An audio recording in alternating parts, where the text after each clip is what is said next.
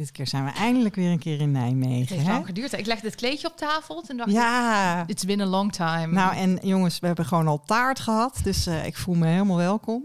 Ehm, nou ja, ik hoop dat, eh, dat Anne zich vandaag ook welkom voelt. Want die is erbij vandaag. ja, de donor detective Anne, met wie we gestreden hebben met de donor detectives. Ja, ja en Anne die, eh, die komt uit, uit België. Dus die kan vertellen hoe de dingen daar gaan. Ehm, ja, en we En hebben... dat is nog niet allemaal om over naar huis te schrijven, kunnen we wel zeggen. Nee, dan, eh, dan hebben wij op zich... Ik begreep dat wij niet zo heel veel te klagen hebben. Nee. Eh, nee, nee. Wat ik wel leuk vind, ik denk ook dat naast Anne... is een ander hoogtepunt in deze episode onze nieuwe boekenclub. Of eigenlijk Eefjes nieuwe boekenclub.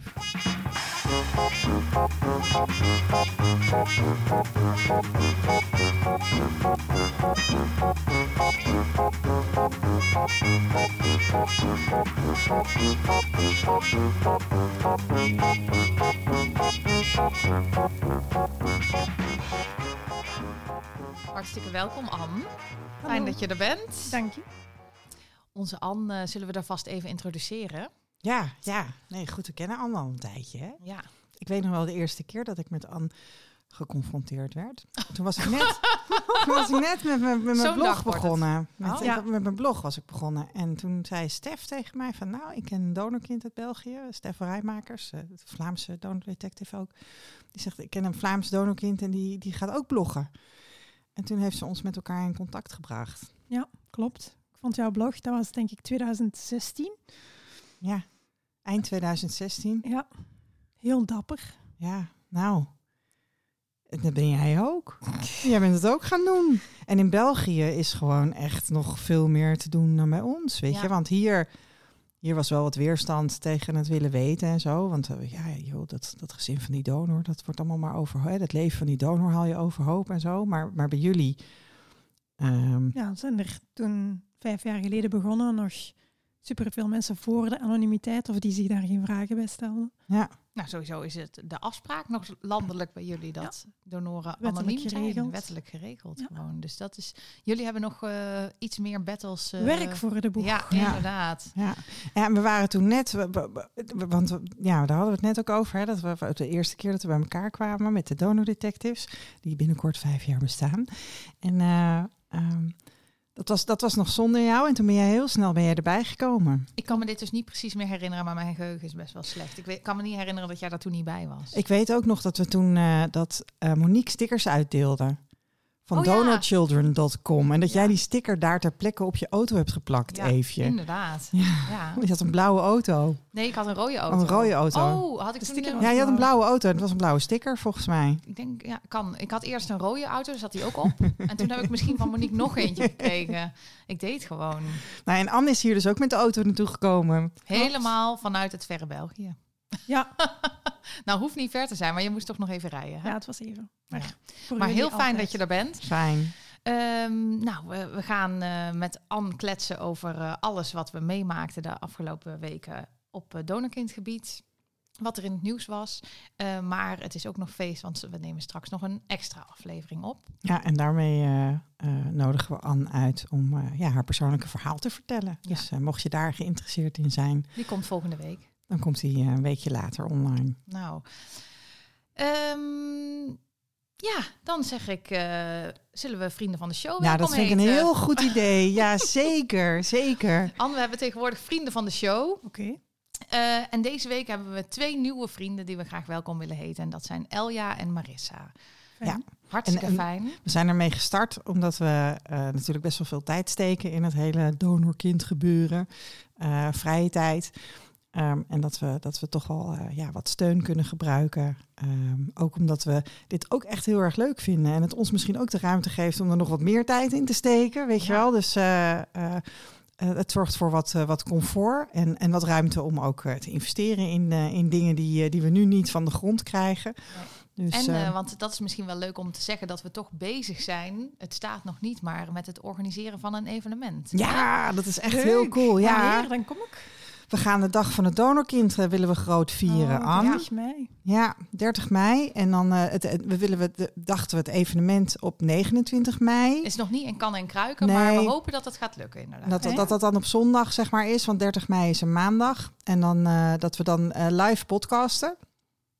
En dat we dan vieren dat de Donor Detectives vijf jaar bestaan. En dat de dag van het donorkind vijf jaar, vijf jaar bestaat. Zeker. Dus Reden dat, tot vieren. Ja, dat is, eh, dat is wel een mooie aanleiding. Hè? En we hadden het er even over, want ik zei tegen Esther, ik vind eigenlijk dat de dag van het donorkind, dat donorkinderen dan overal eh, eigenlijk een vrije dag zouden moeten krijgen. Maar gezien Ja. dat nog niet zo is, dachten we, kunnen we het misschien toch beter op de zondag doen. Ja, precies. Ja, en de vraag is ook hoe snel dat lukt. Want Katie Cotty is ook nog steeds geen, eh, Nee, geen vrije dag, nee, zeg maar. Dus, eh dus dat is wel wachten. een lange termijn ding. Is dat. Na Catty Cotty, dan Ja. willen wij Ja. ook een vrije dag. Ja. Ehm, ja, Meer informatie volgt hè, over, over deze plannen. Ja. Want dat, dat is in ontwikkeling. We in hebben de podcast en op Instagram, at de kwakwaakt. Nee, at de kwakwaakt gewoon. ja, Instagram is @kwakwaakt. Ja. En de mail is uh, dekwakkwaakt@gmail.com. ja, stel dat je ideeën hebt voor ons evenement. Misschien wil je wel iets bijdragen. Zeg je kan heel leuk eh, gitaar spelen, liedjes over donorconceptie. Weet ik veel. Cool. Ja. cool. Nou, allemaal nog ruimte voor. Ja. Maar we komen er later op terug. Keep you posted. Nou, er gebeurden allemaal spannende dingen, want eh, ik deelde een dilemma op Instagram. Heb je hem gezien, Anne? Ja, ik zag Oké, ik zal even vertellen het di- dilemma wat het is. Oh, moet ik het natuurlijk wel bij de hand hebben. Heb ik alle reacties bij de hand en niet het dilemma zelf. Oké. oh ja, wat te doen wanneer je donorvader, wanneer je je donorvader gevonden hebt eh, en je wilt het van de daken schreeuwen, maar dat mag niet, omdat eh, je zus niet wil dat mensen weten dat zij donorkind is. Nou, heel herkenbare dilemma. Ja, voor veel mensen is dit inderdaad. eh, Reageert ook best wel wat gebeurt mensen op. Zal ik eerst vertellen wat mensen reageerden Ja. en dan kunnen jullie nog even je gedachten erover laten gaan. Iemand zegt, ik zit in dezelfde situatie, behalve dat hij nog niet gevonden is. Trouw blijven aan en kiezen voor jezelf is het meest bevrijdend gebleven, gebleken. Therapie eh, helpt voor jezelf kiezen. Dus die adviseert eigenlijk, als je het nog niet durft, misschien een therapie. Ehm, dan hadden we iemand... mooi advies, vind ik dat. Ja, hè? Ja. Ehm, Het is ook moeilijk hè, om voor jezelf te kiezen. Ja, zeker binnen je, binnen je gezin natuurlijk. Iemand zegt momenteel ben ik van mening, dus die wisselt misschien nogal. maar momenteel ben ik van mening dat je eerst aan jezelf moet denken en dan pas aan anderen. Dan eh Jos, die, hè, die was hier ook een keer te gast, die zegt balen voor de zus, maar je gaat niet je eigen identiteit onderdrukken omdat je zus er nog niet aan toe is. En je hoeft niet het verhaal van je zus te vertellen, maar je zus mag jou absoluut niet eh, verbieden om je je verhaal te vertellen, vindt eh, Jos. Ehm, oh, dit vond ik ook een mooie reactie van Sharon. Zij zegt, ik zou met mijn zus in gesprek gaan, proberen te achterhalen wat erachter zit, dat zij niet wil dat mensen weten dat zij donorkind is. Als ze boos is, zou het kunnen dat het wordt veroorzaakt door onveiligheid of machteloosheid, of angst of verlangen. Ik denk dat het goed is eh, dat je daar aandacht voor hebt, want die gevoelens zijn eigenlijk heel normaal als donorkind zijnde, heb ik zelf ook gevoeld. Probeer naast elkaar te gaan staan en ook jouw belang aan haar uit te leggen. En kies dan waar je je het fijnst bij voelt. Mooi. Vind ik ook mooi. Of Ja. geef het even de tijd. Dan was er ook iemand, ik vroeg, wat zou jij doen? Maar iemand dacht dat ik vroeg, geef zoveel mogelijk oordelen. Eh Stijn namelijk, die zei, geef je zus de tijd. Is het echt zo erg om rekening te houden met de zus die je al je leven lang kent? Als je het je eigen vrienden kunt vertellen, lijkt me dat genoeg. Nou, dat is het, blijkbaar een feit. Als Stijn dat vindt, dat dat genoeg is, dan is dat genoeg. En die, en die vrienden deel je dan niet en zo. Dus dat Stijn doet inderdaad ook nog wat aannames. Ja, inderdaad. Dan zegt Anna nog, het hoeft natuurlijk niet gelijk te betekenen dat die zus ook een donorkind is, maar ik snap wel dat veel mensen vragen zullen hebben.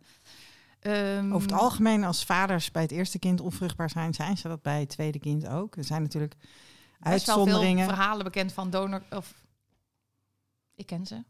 Ja, de, de, de- De, het- derde kinderen of tweede kinderen of vierde kinderen die ineens wel. eh, Zo was bijvoorbeeld niet een donorkind verhaal, maar ik had vroeger een oom en tante van eh, vaderskant. Ehm, of opvoedvaderskant. En die hadden kinderen geadopteerd, want die konden zelf geen kinderen krijgen. En toen eh, was er ineens toch een kind. Ja. Dus- ja, dat hoor je inderdaad wel. Dat als de druk er vanaf is, dat het toch lukt. Ja. Uh, maar over het algemeen, als zaad dood is, dan is het zaad dood bij het eerste kind, bij het tweede kind, bij het Ja. derde kind, bij het zesde. Maar het is dus 38ste. Blijkbaar Ja, zeggen, ze dan van, eh, nou de kans is wel heel klein, eh, Ja. 0,001 procent of zo, maar weet ik veel, ik zeg maar iets. En dan kan Mijn het dus vader toch... is nooit gelukt hoor. Nee? Die heeft wel zijn best gedaan met meerdere vrouwen. Als je maar je best doet, hè? Meedoen is belangrijker dan winnen, nou, toch? zo is het, zo is het. Ehm, ja, dat, dat was het Oh, eigenlijk. maar dat wat zijn we- best inderdaad eh, best wat reacties. Ja, hè? hey, en wat denken jullie ervan? Zijn zij en haar zus van dezelfde donor of weet ze dat nog niet? Nee, dat, eh, dat, is, dat is in dit specifieke geval nog niet bekend. Maakt dat, maakt dat uit dan? Ja, precies gevoelsmatig wel. Omdat als haar zus van een andere donor zou zijn, dan is het niet haar donorvader die gevonden is. En dan heeft zij misschien verdriet omdat haar donorvader nog niet gevonden is. Ja, maar dat, dat, dat, dat, daar, daar, daar gaat dit volgens mij nog niet om. Het is wel zo, ik, ik ken dit specifieke geval. In dit specifieke geval is het wel zo dat eh, die zussen in een andere fase van hun zoektocht zitten. Oh ja. Eh, en dat kan natuurlijk. Dus in die zin zou je kunnen denken van, nou, ze heeft inderdaad misschien wat tijd nodig. Ik kan me wel heel goed voorstellen dat als je gevonden hebt en dat je daar en je bent daar heel blij mee, hè, want dat is gewoon dat is hard werken en dat is heel spannend en je moet, moet, moet als je dan weet wie het is, dan ga je hem testen en dan duurt het nog wekenlang voordat je duidelijkheid hebt. Dus het, ik, ik kan me gewoon heel goed voorstellen dat dat, dat, dat ook om een ontlading vraagt. Ja.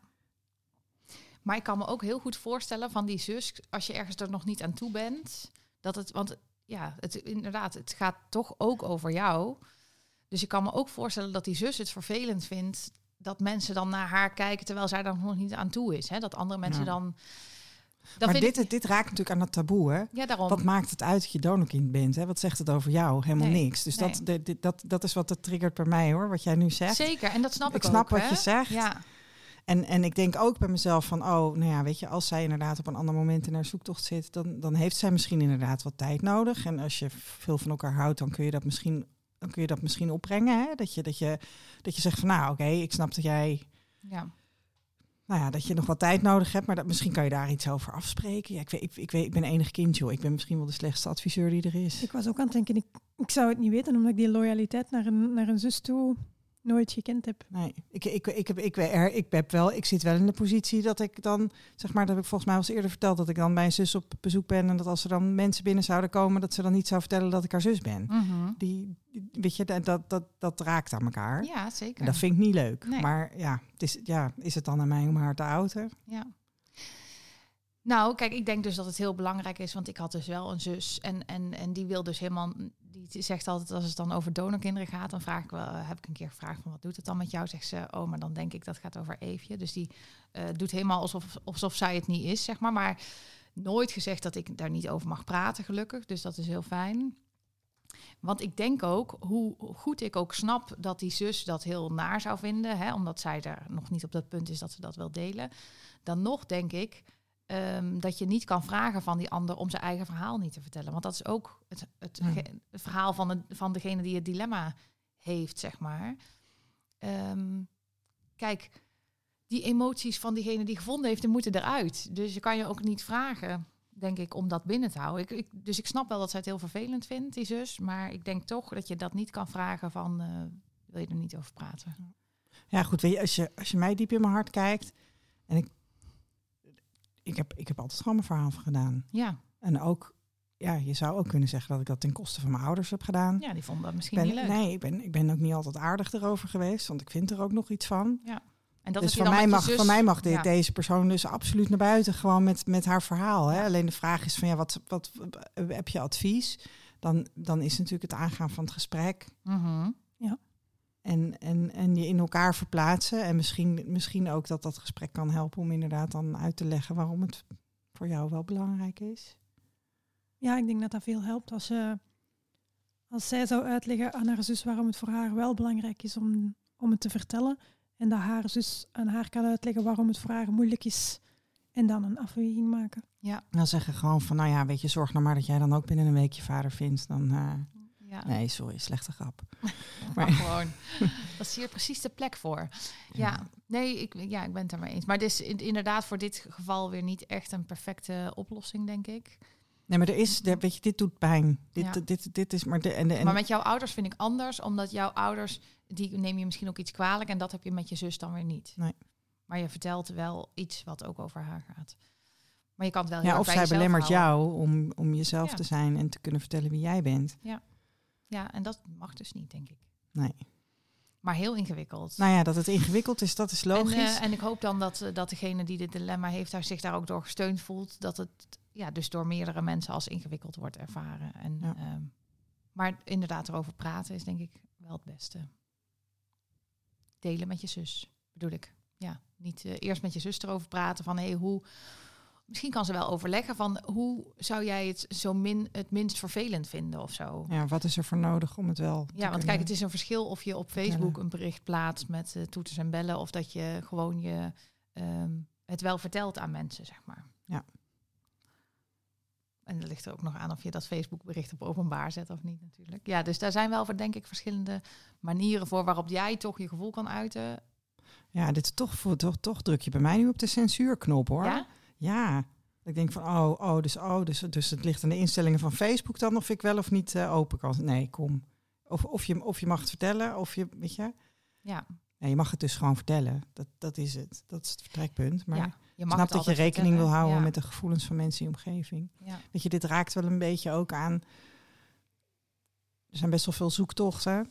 En dan, eh, dan, dan help ik mensen. Hè? En in elke zoektocht zit wel iets waardoor ik denk van ja, en dit is dus waarom het allemaal niet oké is om op deze manier kindertjes te maken. Maar Nee, goed, dat is mijn particuliere mening, hè? Maar dat, Helemaal van jouzelf. ja, nou ja. Welke deelt hier aan tafel, geloof ik? Ja, denk het wel. Nee, maar omdat je dus altijd gewoon, in- omdat je dus voor dit soort dilemma's komt te staan. Ja.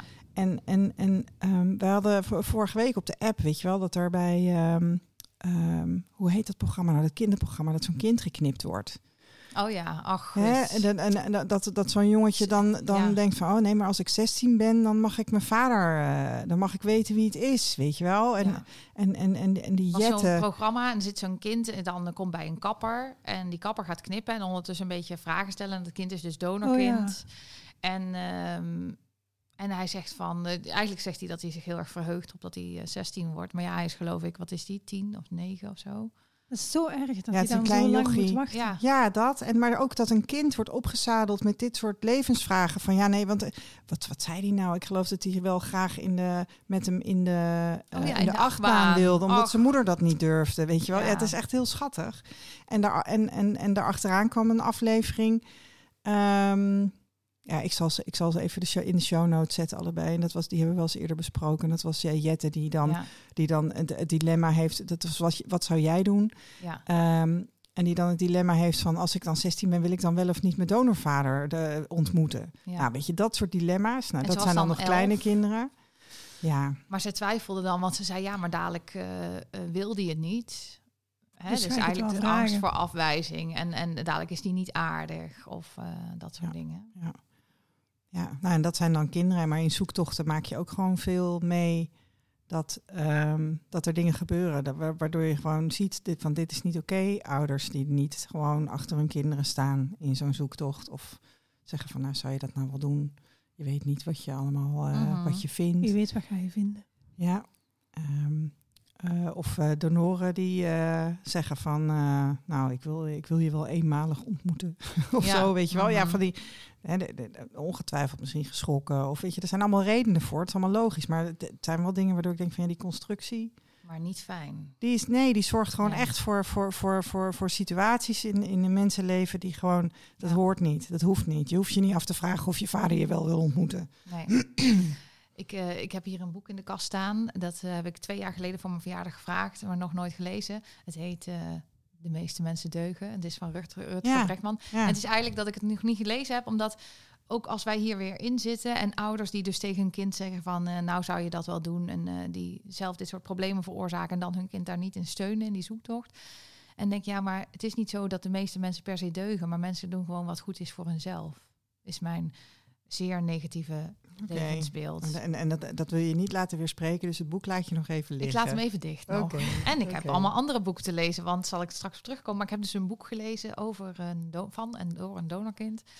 Ehm, want het, Anne, ik ga ehm, een soort boekenclub beginnen in de podcast. Dus ik ga elke tof. keer, elke keer hoop ik dat ik dan een boek uitkrijg, maar dat ik dan een, een, eh, een boek heb gelezen en dan ga ik daar eh, oh, iets over vertellen, wat ik daarvan vond, of of ik een aanrader vind of niet. Allemaal over donorconceptie. Ja, daar moet het over gaan. En verder eh, geen regels. Dus ehm, ja. Leuk. We hadden nog een, eh, ik kreeg een nieuw dilemma, geloof ik, hè? Oh ja, Eh, over ehm, het recht om niet te weten. Daar had Georgia een dilemma mee. Ja. Maar Esther, jij hebt al een beetje... Ja, ik was, ik was Erin wat, verdiept. wat voorwerk gaan doen. Nou ja, nee, nog niet echt hoor. Ik had een keer ehm, op LinkedIn recent een reactie van iemand gezien. Want er was ehm, het Isala ziekenhuis had een woordvoerder bij Nieuwsuur, geloof ik. En die mevrouw die had gezegd van... eh, nee, wij gaan niet alle mensen die onder behandeling waren bij Wildschut actief benaderen. Want je hebt ook het recht om niet te weten. En toen zag ik op LinkedIn ergens een reactie in mijn netwerk op dat dat onzin is. Dat dat, dat, dat niet klopt. Het klinkt bij En hoe het precies zit. Ja, maar hoe het precies. Ik wilde graag begrijpen hoe het ja, precies zit. snap ik. Dus ik heb iemand benaderd. eh, en daar ga ik volgende week mee bellen. eh, om even te horen hoe dat precies zit. En nou komt Georgia volgens mij binnenkort een keer bij ons in de podcast. Want Dat zij is, eh, zij is eh, eh, Nederlands geadopteerd. Ja. En ehm, ik, ik, ik ga kijken of we dan ook eh, die mevrouw eh, eh, kunnen inbellen. Ik denk dat Georgia dat hartstikke leuk vindt. Om, eh, om dat eens te bespreken. Ja. Want ik vind dat ik vind dat dit is natuurlijk wel een interessante. En, en wat ik Ties, voorzitter van Stichting Donorkind, daarover hoorde zeggen, was van ja, maar ja, weet je, het recht om niet te weten, dat, dat is vooral als je weet dus dat er iets kan zijn. En dat je dan kunt zeggen van, oh, maar dat wil ik niet weten. Weet je, oké, Ja, ja. hè, er zit een borstkankergen in de familie, wil je weten of jij het hebt of niet. Dan Ja. heb je het recht om niet te weten. Ja. Dat is wat ik ervan begrepen heb tot nu toe. Maar ik wil het naadje van de kous. Nee, ik ben hier super benieuwd naar. Dus, eh, dus, maar daar komen we dus op terug. Die staat eh, Dus op de agenda. Het zou dan gaan om het recht om niet te weten dat je donorkind bent. Ja, of geadopteerd bijvoorbeeld, want eh, Georgia is zelf geadopteerd. Maar dat is daar, eh, want daarom gaan, gaan we ook haar uitnodigen, omdat er zoveel overeenkomsten zijn Ja, eigenlijk tussen donorkinderen en geadopteerden. Dus eh, Ja, als je niet weet, ja, nee, Als je- dit is Dan moet je zeggen, eigenlijk- er is iets in je leven wat dat van groot belang is en dat Ja, heel veel heel impact heeft op je identiteit. Wilt je het weten of wilt Je je, hebt het een niet recht, weten? maar je weet niet dat je het hebt. nee. Ehm, Ja. Het zou kunnen zijn dat jij geadopteerd bent. Wil je dat weten of wil je dat niet weten? Zo, die Volgens mij moet het zo, toch? Die is echt best heftig, ja, toch? Ja. Ja. Nou, Oh. maar dan kan iemand Er is oprecht... een gereden kans dat je vader je vader niet is. Jij mag het zeggen. Jij hebt het recht om zelf te kiezen of je dat wil weten of niet. Ja. Ja, er zijn natuurlijk mensen die ook met die boodschap zeg maar dan zeggen van, nou nee, maakt me niet uit. Ja, Dat kan, dat kan. en, en daar dan drie jaar later nog op terugkomen. Ja, dat Maar- kan ook. maar dat Da- dat mag ook. Dat mag altijd. Dat mag dan altijd Ja, tuurlijk. Ehm, even kijken. Eh, oh, eh, we hadden een eh, reactie van Lex. Dat was wel heel tof, want wij hadden het over gehad over die brief van de SDKB. Ja. En dat wij ons eigenlijk afvroegen, of jij vroeg je dat eigenlijk af, Esther, van wat staat er eigenlijk in? Ja, wat staat er in zo'n brief? Ehm nou heeft Lex hem gestuurd. En ehm, nou, best wel een lange brief. Maar, maar ja, Lex was ooit anoniem natuurlijk. Ja, kijk, Dus maar sowieso is misschien goed om even de strekking Ja. van die brief. Want wat Ja. voor brief is dit? Ja, maar, maar heel even wel du- duidelijk is, Lex was ooit anonieme donor. Dus het is de vraag of dat Ja, bij voor donoren 2004 is dit. eh, die bekend, als bekende donor hebben gedoneerd, of die dezelfde brief krijgen. Dus dat is nog interessant. Ehm, maar daar staat Want dat. dit is een brief, sorry, maar heel even, want het is een brief van SDKB. Ja, Ehm, die eh, hij krijgt toen er een donorkind gege- zijn gegevens opvroeg. Ja, ja. Ehm, en dan krijgt Lex een brief en daar staat in van, eh, nou, de fysieke en sociale gegevens hebben wij verstrekt al in een donorpaspoort, want daar heeft het donorkind recht op. Maar jij mag nu zelf aangeven of jij eh, ook wil dat wij persoonsidentificerende gegevens geven. Dus, en dat zijn dan volledige naam, woonplaats, geboortedatum. Maar toen dacht ik, ja, daar heb je dan toch nog geen reet aan. Ja, het zijn geen aan. contactgegevens. Precies, je Nee. krijgt dus geen contactgegevens. Nee. En dan staat er verderop in de brief, sowieso staat er heel erg van, nou, ooit was, heeft u eh, geheimhouding ehm, ondertekend. En eh, dus als u dit niet wil, dan eh, is het aan u. Het is uw keuze, bla bla bla. Dus daar is heel veel aandacht voor. vooral het volste recht. Ze willen vooral niet zijn leven overhoop gooien. Dat Ja, en, beetje- en het allerlaatste, in de al, op de allerlaatste pagina zo onderaan staat van eh, dat donorkinderen er ook wel, eh, ja, dat die daar wel baat bij kunnen hebben dat ze dan weten wie hun donorvader is. Dus dan toch nog even uitgelegd waarom het dan wel een goed idee zou zijn. Ehm, en als hij dus toestemming geeft voor het geven van die persoonsidentificerende gegevens, dan gaat dat naar FIOM. En dan gaat FIOM met hem overleggen of hij het ook goed vindt dat er dan contactgegevens gedeeld worden. Of dan gaan ze het daarover hebben of er een ontmoeting komt. Of... Maar toen dacht ik, dan, ik ben dus benieuwd of dat bij bekende donoren dus hetzelfde gaat. Want dan kan je dus als donor zeggen van, nou, ze hebben mijn, mijn naam, mijn woonplaats en mijn geboortedatum. En, en verder wil ik niks geven. En dat zou ik heel raar vinden, want als je als ehm, vrouw voor een bekende of als echtpaar voor een bekende donor hebt gekozen, dan ga je er toch van uit dat die dan ook dat die kinderen een keer een foto mogen zien of dat ze die man mogen ontmoeten of zoiets. Ja, je stelt nu een vraag waar denk ik Anne en ik het antwoord niet op hebben. Nee. Nee. Maar ik, ik was benieuwd of jullie mijn verbazing deelden. Nou ja, ik, ik, ik ben inmiddels wel bekend met, met, met een geval inderdaad waarin persoonsidentificerende gegevens zijn verstrekt. En dat de persoon eh, niet ehm, reageert als hij wordt aangeschreven door de betreffende instanties. En dat hij niet, eh, niet makkelijk te vinden is. Ja, wat heb je dan? Dan heb je dus niks. En dan, dan heb je zelfs dus als je het recht hebt. Hè, en je hebt het recht na 2004. Je hebt het recht ook voor 2004 hoor. Maar in ieder geval, sinds het 2004 is het in Nederland wettelijk geregeld. Dat je mag weten wie, eh, wie je donorvader is vanaf je zestiende.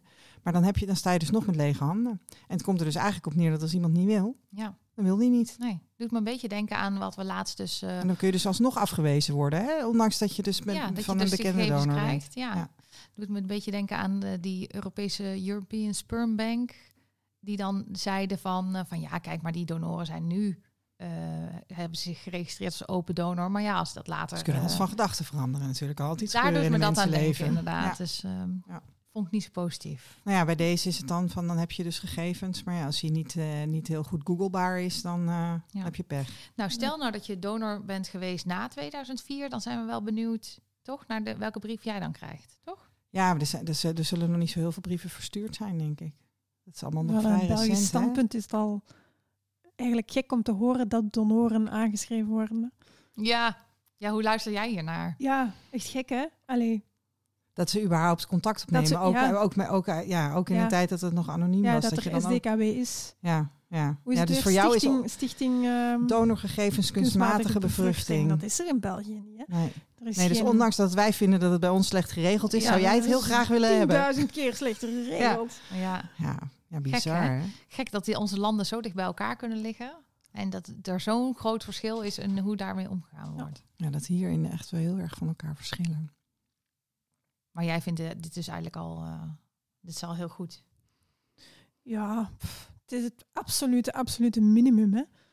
Dat je de naam van je donorvader mag kennen. Maar ja, het is nog altijd niet goed geregeld. Hè? Nee.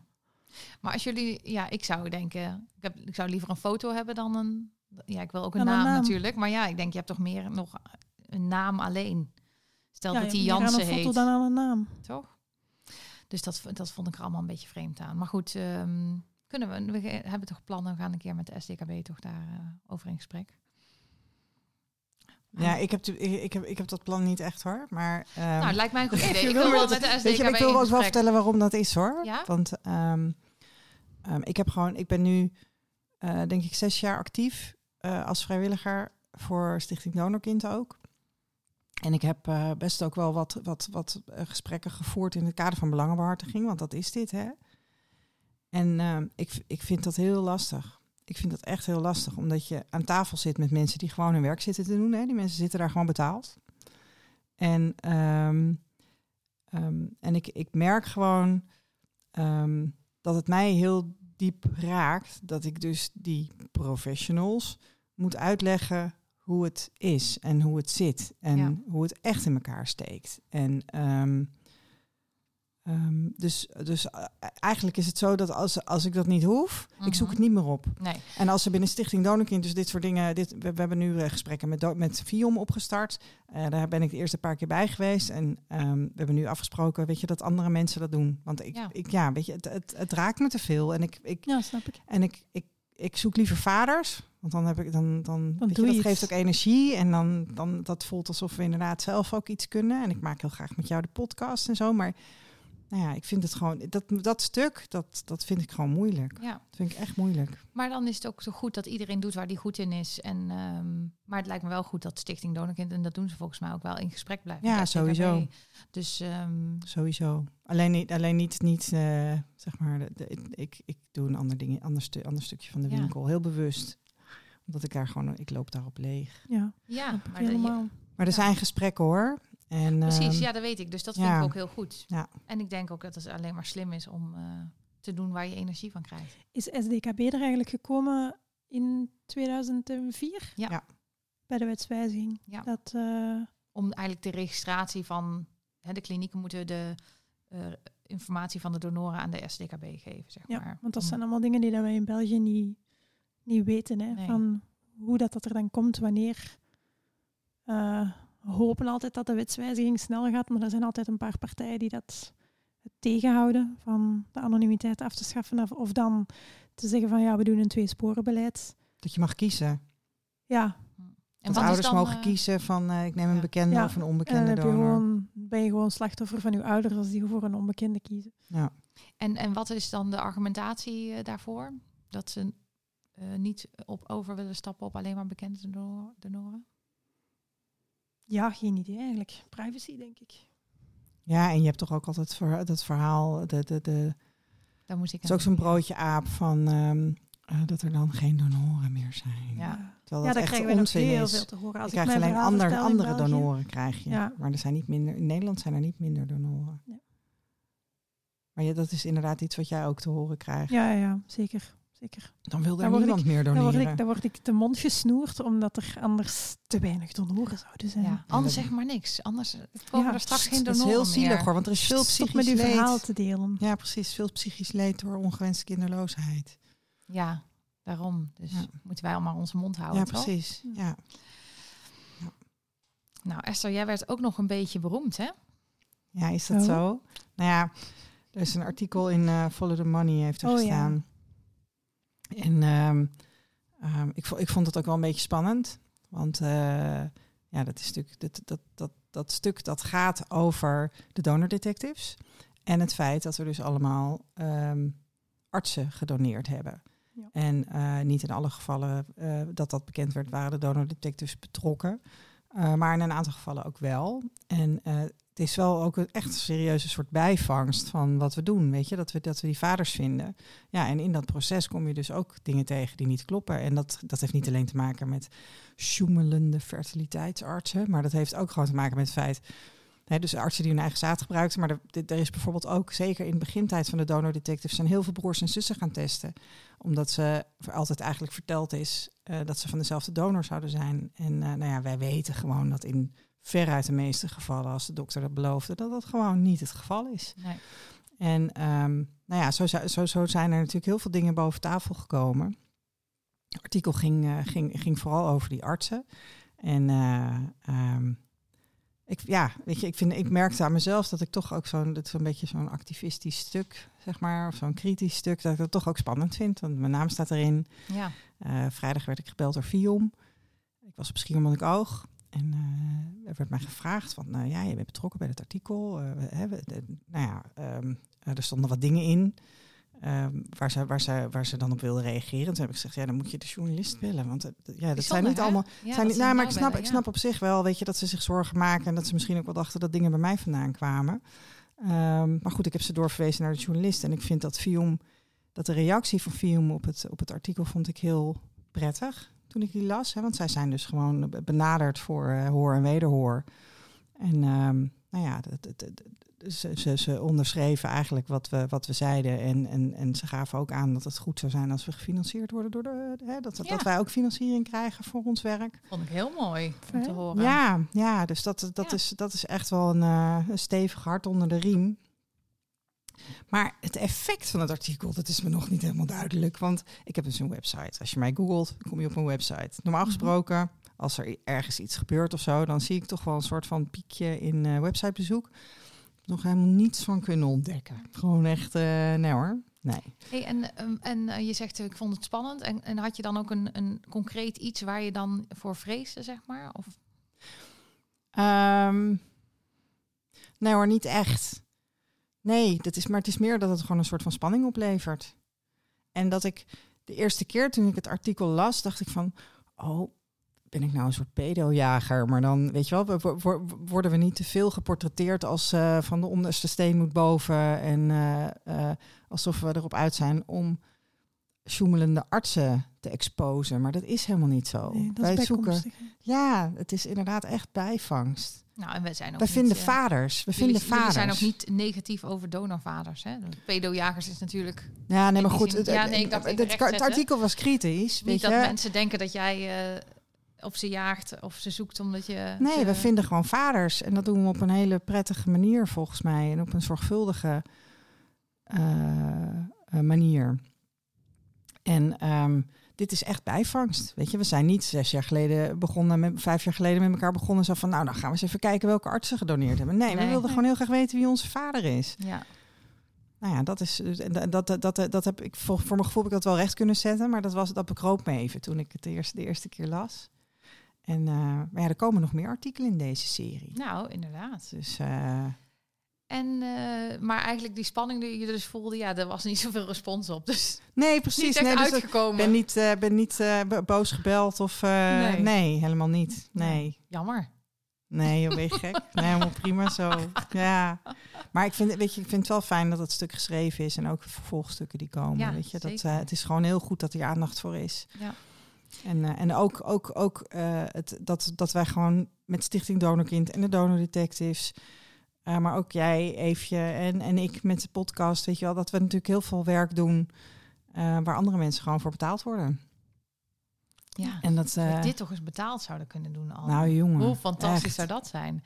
hey Anne, ik was benieuwd nu Esther dat zegt van... je hebt natuurlijk ook een blog en jij bent laatst in de podcast geweest, De Weg. Kunnen we misschien ook even delen in de Ja, show notes? ja. Ehm, merk jij dat dan ook, eh, net zoals Esther dat merkt, dat jouw blog dan ineens eh, aanslaat? Of ben je er helemaal niet mee bezig? Kan ook nog. Ik heb het nu deze keer zelfs niet gecheckt, denk ik, want mijn blog lag ook een tijdje stil.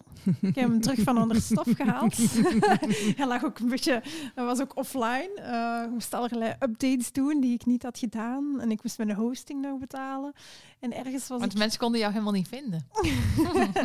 dus ergens was ik gestopt met schrijven.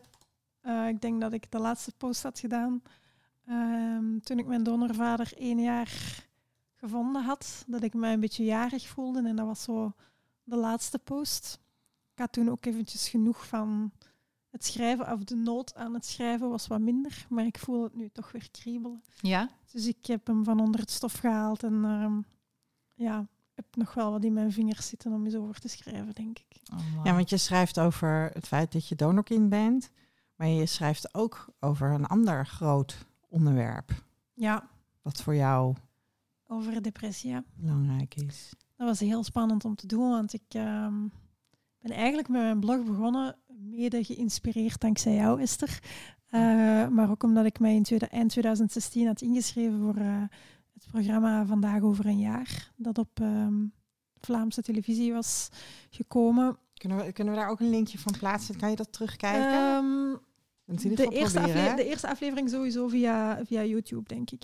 Eh, of mijn stuk toch. Ehm, omdat ik toen ehm, had ik, was ik al een tijdje thuis eh, met een zware depressie en merkte, ook, merkte ik ook dat ik op mijn donorkind zijn en het niet weten enorm vastliep.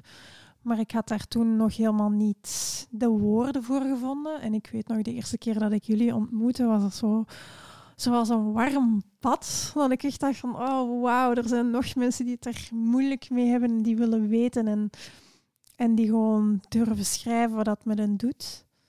Ehm, dus ik ben mijn blog in de eerste plaats begonnen om mijn eigen gedachten en gevoelens over donorkind zijn onder woorden te brengen en een beetje te onderzoeken wat dat voor mijzelf betekende. Dat is ook een zoektocht, hè? Van, eh, om je daarover te leren uitspreken, toch? Ja, ja, enorm. Want ik vond dat in het begin heel erg moeilijk om daarover te praten. Ja. Ehm, ook gewoon omdat ik het zelf niet wist. Omdat je zoveel tegenstemmen altijd krijgt. Van, Ja. het doet er toch niet toe. Ja. En als je dan voelt van, ja, maar het doet er wel toe. Het Dan, was maar een zaadje. ja. Ehm, dus ja, in, in aanloop naar die opnames wilde ik echt voor mijzelf duidelijk hebben van waarom is het nu zo belangrijk dat ik eh, mijn biologische vader wil vinden. Ehm, hoe wil ik dat doen? Wat kan ik doen? Ehm, en dan gaandeweg merkte ik ook dat ik ja, positieve reacties kreeg op mijn blog. En dan ben ik ook wel over het depressiestuk beginnen schrijven. En daar dan het merendeel van mijn blog is wel donorkind zijn. Ehm, en de zoektocht daarin. Maar ja, er zijn ook echt punten in mijn zoektocht dat ik heel hard geraakt word in wie dat ik ben en wie ik mag zijn. En daar, dat heeft ook wel, ja, daar zitten ook wel wortels van terugkerende depressies. Dus het voelde ook wel heel bevrijdend om over depressie te schrijven, omdat dat ook wel een beetje, ja, je kan zo de, de kenmerken van een depressie wel ergens opzoeken en denken van, ah ja, dat klopt wel, maar hoe het dan echt in je hoofd is als je een depressie hebt of hoe je ervan, hoe lang het duurt voor je ervan herstelt, dat miste ik altijd een beetje. En ik dacht, ja, als ik al over donorkind zijn aan het schrijven ben, dan zal ik ook maar ineens Je depressie dacht eh, het ene taboe doorbreken en het andere ook. Ja, heel mooi eh, kon, je dat, eh, kon je dat ook opschrijven. We zullen misschien een linkje ook naar het boek eh, plaatsen. Ja, dat hebben, we, dat hebben we ook al gedaan toen, eh, toen we Oh ja. aankondigden dat Anne zou komen. Maar dat doen we gewoon weer. Zij jou heel erg aan het supporten. Ja, jouw, boek, jouw boek heet Wordt het ooit weer licht? Ja. En eh, eh, kun je gewoon bij bol.com bestellen. Ja, zeker. Dus eh, eh, dat linkje, dat, eh, dat, zullen, dat zullen we ook nog even Hartstikke plaatsen. En. Ik heb eh, eh, uit, uit reacties altijd begrepen dat er heel veel mensen zijn die in een vergelijkbare situatie zitten. Hè, dan, eh, als het gaat om depressie. Mhm. Die heel veel steun hebben gehad ook aan jouw boek. Nou ja, dat zijn ook de, de verhalen die tot bij mij komen. En ook van ja, ouders of vrienden van iemand die een depressie doormaakt. En die er op dat moment zelf de woorden niet voor heeft om aan naasten te kunnen uitleggen van hoe slecht het eigenlijk met hem of haar gaat. Dat dan, als die naasten dan mijn boek lezen, zich een beetje beter kunnen inbeelden waarom bepaalde dingen zo moeilijk zijn om te doen of waarom afspreken zo moeizaam gaat of zo. En dan hebben die een beetje inkijk en meer begrip voor de persoon die met de depressie zit. Ja. En dat vind ik heel mooi. Ik ben wel benieuwd, maar daar gaan we dan straks gewoon in, over praten als we, als we de podcast echt over jou opnemen. Als je dat goed vindt. Is van wat die twee dingen nou met elkaar te maken hebben. Hè? Ja, Daar, ik heb die eh, altijd heel hard uit elkaar gehaal- gehouden. Ehm, ik denk een beetje bewust, omdat ik daar nog niet klaar voor was dat die samen zouden vallen. we, we- we maken hier een cliffhanger van. Vind je dat goed? Tom. Ja. Dan gaan we dit. Ja, want ik vind, ik vind Nee, het wel heel, interessant. belangrijke vraag. En, eh, Zeker. Eh, maar ook wel mooi om, om daar straks gewoon even in alle ruimte. Zeker. Krijg je alle, alle tijd aan. Helemaal prima. Wij hadden deze, eh, de, ja, deze afgelopen week dus in het nieuws eh, dat artikel van Follow the Money, waar Esther er net over vertelt. Maar is er in België de afgelopen tijd, eh, zijn er donorkinderen in het nieuws of niet? Ehm donorkinderen denk ik niet de afgelopen weken. Ehm, maar wel het programma dat VTM wilde maken. Dat is een van de grotere zenders in Vlaanderen. Ehm, die hadden in oktober een aankondiging gedaan. Een eerste aflevering uitgezonden met de titel Ik wil een kind. Ehm, en daar is toen heel veel reactie op gekomen. Ook heel veel mensen die dat daar positief vonden dat eh, meer ouderschap zo in de picture ging komen. En Want wat, wat ging het programma het, inhouden? het programma ging inhouden die, dat ze mensen bij elkaar wilden brengen die samen, allee, die een kind eh, wilden. Hm. eh, via ja, draagmoederschap of ehm, meer oudergezinnen of eh, hele constructies op voorhand bedacht om dan een kind te krijgen. Ehm, Altijd goed om, om de televisieformat van te maken. Ja. Ja? ja, Ja. ik werd daar enorm door, door Er getriggerd. kon geen baby winnen. Nee, Oh, Nee? Jammer zeg. Jeetje. Ja. Onvoorstelbaar. Ja. Zou ik het ik minste vinden. Ik vond dat heel moeilijk dat een kind het onderwerp was van de tv-show die het dan zou zijn, terwijl dat, dat kind zelf niks kan beslissen en, en dat er zo constructies werden opgezet waarin het verlies, wat ik altijd gevoeld heb, gewoon automatisch gecreëerd wordt zonder dat het verlies toeval is. Mhm. Want Ja. ergens als je geadopteerd bent, ehm, dan word je ook van je biologische ouders gescheiden. Maar dan is het ergens nog, ja, ik weet niet, toeval dat, dat je van uw biologische ouders gescheiden wordt omdat die niet voor u kunnen, kunnen zorgen of om... Dat is alleen in het heel idealistische plaatje van ja, adoptie precies. natuurlijk. Ik- hè? ik- Ja, ja, ja, Want adoptie is toch vaak eh, ehm, ook eh, babyfarms georganiseerd. en Ja, ja, ja, ja, dat ja. bedoel ik, en dat bedoel ik. kinderroof. En, eh, maar met die kinderroof op zich, het, het maken van het kind was misschien niet met de bedoeling van... Nee, oké, je bent niet gemaakt met de opzet om Ja, af dat te bedoel staan, ik. ja. Ja. Ja, want ik weet dat adoptie heel veel, ehm, heel veel schaduwkanten heeft. Ehm, maar ja, ik ben even mijn draad kwijt. Ik vond het heel moeilijk. Ja. Ehm, ik heb daar dan ook deels, want dan breng ik, word ik weer zo in de verleiding gebracht om dan zo onder Facebook-posts te gaan reageren en te gaan zeggen dat ik dat als volwassen donorkind toch helemaal geen goed idee vind. Ja, Eh, en dan reageren er zo mensen boos op en dan... eh, lastig voel dat. ik mij heel erg aangesproken, alsof ik andere mensen hun geluk niet gun. Mhm. Ehm, wat dat helemaal niet zo is. Maar ik vind dat er veel meer vanuit het kind moet gedacht worden dan vanuit de volwassene die een kind wil. Ja. Ja, en dat is ook, weet je, wat dat betreft ben jij natuurlijk ook eigenlijk in België dan zeg maar van de eerste generatie die ook dat verhaal kan vertellen. Hè? Ja. Want eh, eh, ja, de, de, de, de, de, de, de eerste donorkinderen zijn volwassen, zeg maar. Of al, Mhm. al best wel volwassen. Ehm, daarom is het ook belangrijk dat, dat dit soort verhalen verteld worden, denk ik. Want dan, dan kunnen mensen ook hun voordeel ermee doen. En op zich wa- kwamen er ook negatieve reacties op dat andere mensen het geen goed idee vonden. En dan zag ik wel de evolutie van vijf jaar geleden tot nu, dat er toch ook veel mensen zeiden van, is dat wel een goed idee? Of een kind heeft toch het recht om te weten?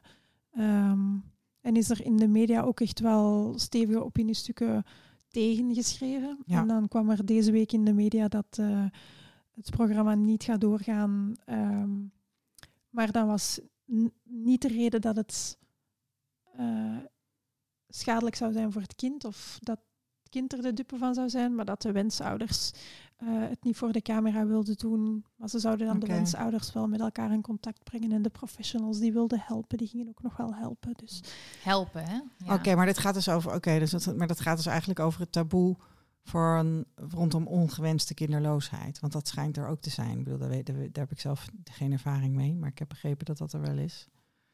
Dus dat, dat, dat, dat, zo wordt het geframed nu. Dat het, dat het onderwerp zo taboe is onder wensouders eigenlijk dat, dat ze het niet op tv willen. ja, of dat ze het proces niet op tv willen doorlopen of dat ze het niet in de mediastorm willen Nee. doen. Nou ja, op zich. eh, Op zich fijn dat het programma niet doorgaat. Maar Ja. goed, die kinderen, die mensen gaan natuurlijk wel aan elkaar gekoppeld worden. En Ja. Op die manier kinderen maken. Ja. Nou, dan snap ik eh, dat je daarvan ontdaan bent dan, ja. Ja, dat is lastig ook, hè? al die onwetendheid. En eh, sowieso reaguurders op Facebook. Je hebt natuurlijk ook gewoon horken, trollen, weet ik veel wat. Weet je, het, eh, Ja. ehm, en veel onbegrip en, en, en, en, en onaardige mensen ook, die er gewoon, of onnadenkende mensen. Mhm. Ja, en zeker denk ik in een land als België, waar eh, anoniem doneren nog de, de trend is, zeg maar, of de- hè, nog ehm, wettelijk zo bepaald is. Ja, bij ons merken we al dat jaren nadat die wet is veranderd, dat, eh, dat, eh, dat het jaren duurt hè, voordat er meer begrip komt voor de donorkinderen. Ehm, en ik denk dat dat kost gewoon tijd. Ja, en dat heeft ook echt wel te maken met het feit dat donorkinderen hun verhaal vertellen. Mhm. Want heel lang is het verhaal natuurlijk, het narratief is bepaald door de industrie. Ja, En door de artsen, die hebben gezegd van het is, hij is niet voor niks anoniem. Nee. Eh, hè, in het begin, als wij bij het ministerie zaten, dan was het inderdaad ook eh, dat je levens overhoop gooit en zo, weet Ja. je wel. Dus dat, dat, waarbij je ook dus nog het signaal krijgt dat het leven van zo'n donor dus belangrijker is dan Dan dat van jou. ja. Hè? Nou ja, Ja, en daarom is het extra dapper natuurlijk dat jij je verhaal doet. Maar het is ook lastig, want hoe minder donorkinderen hun verhaal doen, hoe moeilijker het is. ja. Terwijl eigenlijk eh, die, die kinderen vinden het ook moeilijk omdat zo weinig donorkinderen hun verhaal doen. Nou, en je, en je hebt soms ook, en volgens mij is dat in België ook wel, daar heeft Stef, Stef ook wel eens over verteld, dat er, als Stef haar mond open doet, dat er ook meteen een soort van tegengeluid komt van, van, een, van een gelukkig donorkind, weet je wel. Terwijl je, Mhm. het is natuurlijk helemaal prima als jij donorkind bent en geen interesse hebt in het ontmoeten van je biologische ouders. En he- helemaal oké, maar mensen hebben wel dat recht, weet Ja. je wel. Dus je moet anderen ook niet dat recht ontzeggen. Het Ja. feit dat jij die behoefte niet hebt, of dat jij die behoefte op dit Nog moment niet, hebt, Mhm. wil niet zeggen dat je, dat, je, dat je anderen dat dan maar moet ontzeggen. Weet Ja. je? Dat iedereen dan zijn mond maar moet houden. Dat het doordat jij zelf het, de behoefte niet voelt, dat het dan de anderen ook maar niet moeten voelen. Zo. Nee, Mhm. precies. Ja. Las een uitspraak eh, van eh, René Hoksberger, die ging over geadopteerden, maar is precies ook eh, op donorkinderen te leggen dat ehm, hij zegt je kan eigenlijk pas ehm, bij overlijden zeggen of iemand ehm, op zoek wilde gaan. Want sommige mensen gaan pas op zoek als ze 60 zijn Ja. en sommige als ze 13 zijn. En sommigen Ja. willen als ze Ja. 6 zijn al weten. Eh, dus, dus je kan daar nog helemaal geen conclusies over. Want iemand anders, hij reageerde op iemand die zei van... nou, het zijn ook heel veel mensen die zijn gewoon heel gelukkig... en die willen helemaal niet eh, op zoek naar hun biologische ouders. En hij zei, dat kan je nog helemaal niet zeggen. En dacht ik, dat is een waarheid als een koe. Ja, en bij, bij donorconceptie is het ook nog zo dat je er echt gewoon op hele late leeftijd achter kunt komen. We hebben afgelopen jaar twee keer gehad dat iemand uit de begintijd van Levi eh, zijn vader heeft gevonden. Hè. We hebben Els gehad eh, Mhm. in een van onze eerste afleveringen. Je kan altijd nog op zoek. Ja. Dat is ook wel een mooi signaal. Jij, jij, eh, eh, eh, jij bent ook op zoek gegaan. Hè? We gaan straks jouw zoektocht ook lekker uit de doeken doen. Mhm. Maar nu nog niet. Nee, nee. nee. Maar we, we, we kunnen wel de, gewoon de, de, de spoiler doen dat ze hem gevonden heeft. Want alle donordetectives alle donordetectives hebben gevonden. Ja, omdat iedereen kan vinden. want, Ja, want we, dat vinden we ze, even we vinden ze allemaal. Ja. Ja. Nee, klopt. Heerlijk, hè? Was er nog meer Belgisch nieuws of niet? Denk het niet. Ehm, heb je zelf iets meegemaakt op donorkindgebied de afgelopen tijd? Hmm. Ik wist dat die vraag ging komen en ik heb er op voorhand niet over nagedacht. Hmm. Ik moet wel aan iets denken. Mag, mag ik het zeggen? Kan je altijd zeggen of je het erover wil hebben of niet? Want jij dacht even dat je een zus had, Ja, een tijdje geleden. klopt. Oh ja, dat is ook spannend. Ja. Ehm, was iemand die van bij dezelfde fertiliteitsarts kwam. En daar had ik... ehm, ja, ik zit ook in de geheime groep van donorkinderen in België. En daar hebben we ook zo'n poll van alle fertiliteitsartsen en klinieken. En ik stond daar heel lang als enige Mhm. bij de fertiliteitsarts eh, waar ik vandaan kom aangevinkt. Ehm, en ineens kwam ik daar nog eens voorbij voor die postgescroot en ik dacht, huh? Twee? Hoezo? Mhm. en ik eh, die vrouw aangeschreven van, "Hey, heb je al een DNA-test gedaan? Ehm, wat dan niet het geval bleek te zijn, maar ze woonde wel heel dicht bij mij in de buurt. Ehm, maar tien kilometer of zo. Dus we hadden eh, afgesproken om te gaan lunchen. Ehm, nee, eigenlijk gewoon afgesproken om iets te gaan drinken. En dat duurde dan zo lang dat het in een Mhm. lunch geëindigd was, omdat het zo goed klikte. Ja, en op het einde van die lunch waren wij er zo wel helemaal van overtuigd dat wij wel zussen zouden zijn. Ehm, ze heeft dan een eh, DNA-test gedaan bij MyHeritage, Ehm omdat die toen ook net heel hard eh, afgeprijsd waren. En dacht van ja, dan weten we het redelijk snel. Ehm, en er waren zoveel overeenkomsten. Ja, dat het ons onwaarschijnlijk leek dat het niet zo zou zijn. Maar uiteindelijk ja, is, het geen, is het geen zus. Ehm, en ik heb daar echt verdriet van gehad. Akelig, hè, dit? Want het is ook... voor mij toont het ook aan, weet je, dat je dus als je dat, je, dat die, die gelijkenissen, dat dat echt een mindfuck kan zijn. Ja. Ik, ben ook, ik ben ook zeker in het begin, toen ik op tv was geweest en mijn website gestart was en zo, dat mensen mij vonden die bij Swaap vandaan kwamen. En dat ik ook met al die mensen afsprak. En dat je in, dat in eerste instantie Mhm. ook altijd dacht dat ze familie waren, weet je wel. En dat is, dat is heel intens. Mhm. En op een gegeven moment kon ik dat gewoon niet meer. ja, dat snap ik. dat- Dit want- was echt de eerste keer dat ik dat deed. Ja. Maar ik denk dat ik nu altijd, als het zou voorkomen, eerst een DNA-test zou doen. Ja. Ja. Jullie deelden geen DNA ook? Nee. Nee, het was Nee. niet dat het een nichtje was. Nou, Nee, nee. nee. Ehm, Het raakt jou nog steeds eigenlijk, hè? Ja. Ja. Ja, ook omdat ik tot toen eigenlijk... Ja, ik had dan mijn biologische vader gevonden en dat was zo... Ja, in- mijn hoofd was ik, ja, door zoveel stambomen te bouwen en, en zo hard op zoek te gaan met DNA, dacht ik eigenlijk altijd van, ja, halfbroers en halfzussen kan je niet vinden via DNA. Nee, die moeten gewoon testen. Die hè? moeten gewoon testen. ja. Kun niet opspo- die kun je niet opsporen, zeg maar. Door, Ja. door maar als je, het is niet als je maar hard genoeg boomt dat je ze dan tegenkomt. Nee, Nee. nee. dus ik dacht gewoon, ja, hetgene wat ik kan vinden is mijn biologische vader. En, en je weet ergens wel in je achterhoofd dat er nog moeten zijn. Ehm, Maar dat, die zo'n deurtje dat is opengegaan nu zo. Ja. Mhm. Van het verlangen naar ja, broers en zussen. ja. En jij bent, ja, jij bent natuurlijk enig kind. Ik ben enig kind. Mijn biologische vader heeft wel drie wettelijke kinderen. Eh, en ik heb nu met zijn dochter eh, een heel fijn contact. Eh, dus ik heb wel een zus. Kijk. Ja, dat is ook wel heel mooi. En ze zei van... En zij, zij, zij was, ze wist het ook dat er misschien iemand zat aan te komen. En ik zei, het is een toffe. En dan zei ze, oh ja, dan mag ze erbij. Ja. Dat vond Ja. ik wel lief. Ehm, maar ja... Is, het, is, het is zo... Nu weet ik hoe dat, dat voelt. Dat het misschien zou kunnen. Dat er misschien iemand uit de buurt nog wel halfzus kan zijn. Ja, en nu is dat, dat deurtje van verdriet zo opengegaan. Terwijl ik dat eigenlijk misschien altijd wel gehad heb. Zo van het verlangen van niet meer enig kind te zijn. Ja. eh, maar dat deurtje altijd heel stevig heb toegehouden. En nu ja, was het mogelijk en is het niet.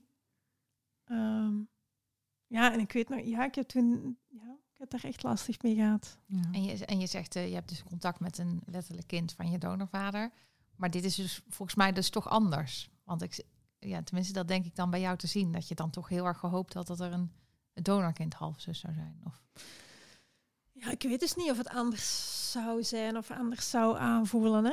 of was het meer dat je met deze persoon zo'n klik had? Dat je, dat, Ja, dat je haar gewoon graag heb- als zus Maar je wilde? kan gewoon vriendinnetjes Ja, zijn ja, ja, natuurlijk. want Je kan er we adopteren als Dat zus Ja. Dat zijn we nu, want zij heeft Ja. ook nog, want dat is ook nog een spannende, zij heeft ook nog een broer en een zus. Oh, zo.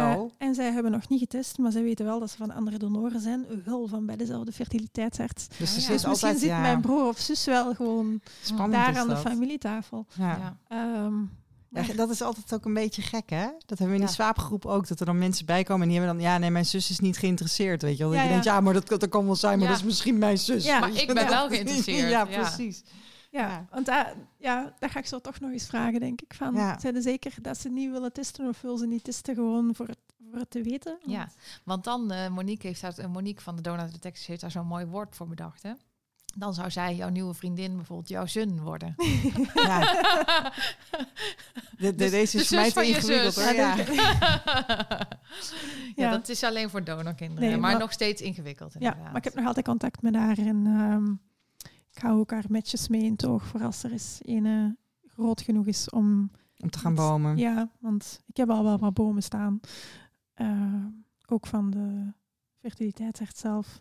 Eh, dus je weet maar nooit. Ja, want dat is niet alleen voor Nederland natuurlijk, nee, toch? nee, nee, nee, nee, nee. Hè? Die, Nee. eh, zijn er signalen dat jou, eh, de arts die jou verwekt heeft, eh, zelf gedoneerd heeft? Nee. Of nog niet? Nou, wat niet is, kan nog komen. Ik had, eh, ik had nog iets, eh, ehm, wat ik me net realiseerde toen we het over Follow the Money hadden. Ja. Ehm, er had een artikel gestaan in Medisch Contact. Hadden we het daar al over gehad? Dat is zo'n artsenclubblaadje. ja, ik herinner me daar iets van, maar ik weet even niet of jij mij dat persoonlijk hebt verteld. Of, nee, erg eh, is dat, hè? We kunnen het gewoon even bespreken. En Ja, dan, eh, En anders knip ik het eruit. ja, dat, eh, dat, dat- ja, dat doen we natuurlijk nooit. Ja, Nee, ik, knippen. ja, ik knip ja, ik nooit? zag Hans blik. Alleen als het mijzelf uitkomt. Heel goed. Ehm, ja, want... Waar ging het ook alweer over? Als jij het zegt, nee, dan weet ik het ja, wel. nee, maar het, het, het, het, ik, ik heb namelijk erop gereageerd. En dat, eh, dat, dat wilde ik eigenlijk wel eventjes delen. Want het, de, de grap was Oh ja, namelijk dat... mail, ja. Ik, ik heb een fan. En dat is echt heel erg leuk. Het is een dame die heeft volgens mij ooit mij bij. eh, die heeft, nee, die heeft toen in, in, in. Ik heb een keer medisch contact gestaan. Met eh, dat ik op zoek was naar mijn vader. En ik dacht dat dat echt gewoon in het hart van de doelgroep was. Want eh, ik dacht natuurlijk dat mijn vader medisch student was. Sowieso. Ja. Was hij niet, maar dat dacht ik. En ehm, eh, ik kwam bij Swaap vandaan, dus ik heb eh, mijn verhaal gedaan in, in medisch contact. En toen heeft er iemand contact met mij gezocht en die is ook een keer bij mij langs geweest. En die stuurt mij dus ook berichtjes als ze mij ergens tegenkomt of iets ziet. En nu stuurde ze dus een eh, eh, artikel uit, eh, uit, uit medisch contact over, over, weer over die sjoemelende artsen. En eh, daarin komt dan een gynaecoloog aan het woord. Dokter Kloosterman, die vroeger in eh Rijnstaten werkte. En dokter Kloosterman die krijgt alle ruimte om te vertellen dat donoren zorgvuldig geselecteerd werden. Eh, hè, dat dat vaak medisch studenten waren. Eh, nou, hij krijgt gewoon de ruimte om alle sprookjes rondom donorconceptie nog eventjes op te raken. Ja, niks wederhoor, zeg maar. Nou, en daar was ik eigenlijk gewoon wel een beetje boos over. En ehm, het stormde heel hard. Afgelopen vrijdag was het. En toen stormde het heel hard. En niet afgelopen vrijdag, vrijdag ervoor. En toen ben ik dus achter de computer gekropen, omdat ik, ik kan helemaal niet zo goed tegen die storm. En als, je, als ik aan het werk ga, of ik ga stambomen, of ik ga, weet je, dan hoor ik verder, dan val ik aan mijn omgeving echt in elkaar donderen, heb ik niks in de gaten. Dus ik ben achter de computer gegaan, zag ik dat artikel en toen heb ik gereageerd. Zal Ja. ik mijn reactie voorlezen? Ja, heel Vinden jullie graag. dat goed? De, de, Ik, ik weet het al, ik, ik vind hem heerlijk. Dus Ja, ik ik hoor ik vond hem zelf ook lekker. Ja.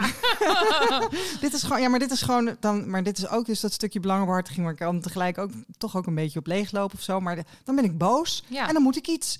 Esther het boze donorkind schreef Ja. een mail. Oké. go. Laura heette de journaliste. Beste Laura, mijn naam is Esther. Ik ben donorkind en ik heb in 2016 in jullie blad gestaan met een interview omdat ik op zoek was naar mijn vader. Een medisch professional met wie ik sindsdien contact heb, heeft mij op je artikel uit het meest recente nummer gewezen. Ik wil je graag laten weten dat de in dit stuk opgetekende propaganda, tussen aanhalingstekens, rondom donorconceptie inmiddels al lang door donorkinderen ontkracht is. Donoren werden niet zorgvuldig geselecteerd en waren in de meeste gevallen geen studenten. De geheimzinnigheid die donorconceptie lange tijd omgeven heeft, diende in ieder geval ook om de misstanden en valse beloften van artsen te verbloemen. Dat artsen eigen zaad gebruikten, is er daar maar eentje van. Hoe we dit weten? In 2017 hebben we met een aantal Nederlandse en Vlaamse donorkinderen de Donor Detectives opgericht.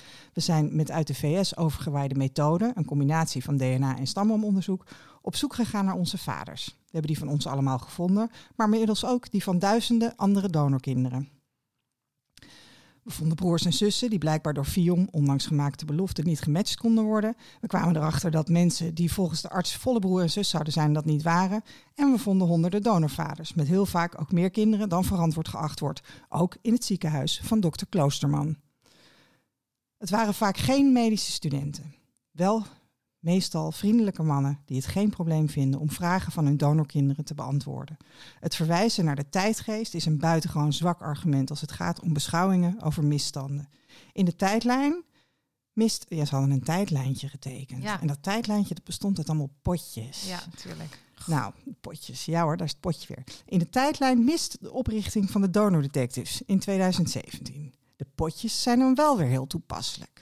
Artsen hebben er inderdaad een potje van gemaakt. Ja, die uitsmijter. Met groet Esther Lauw, donorkind, vadervinder en podcastmaker.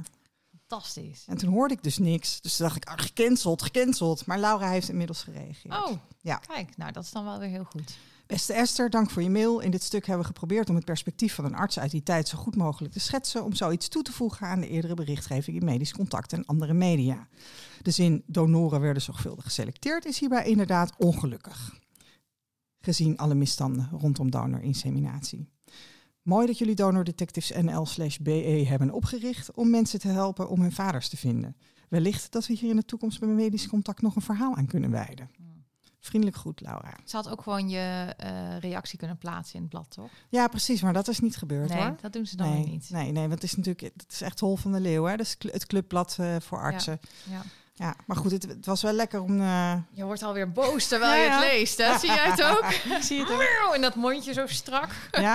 Oh, dat heb ik inderdaad bij spoorloos gezien. Dan krijg ik gewoon een soort scheef bekkie als ik boos ben. Nou, lekker en die is ogen dat. die schieten vuur. Ja. Maar goed. Nou, maar wel goed dat ze gereageerd heeft. Jammer dat ze niet eh, jouw reactie plaatsen. Want ze was een mooi... Hè, je had het mooi geschreven. Had zo geplaatst kunnen worden. Ja.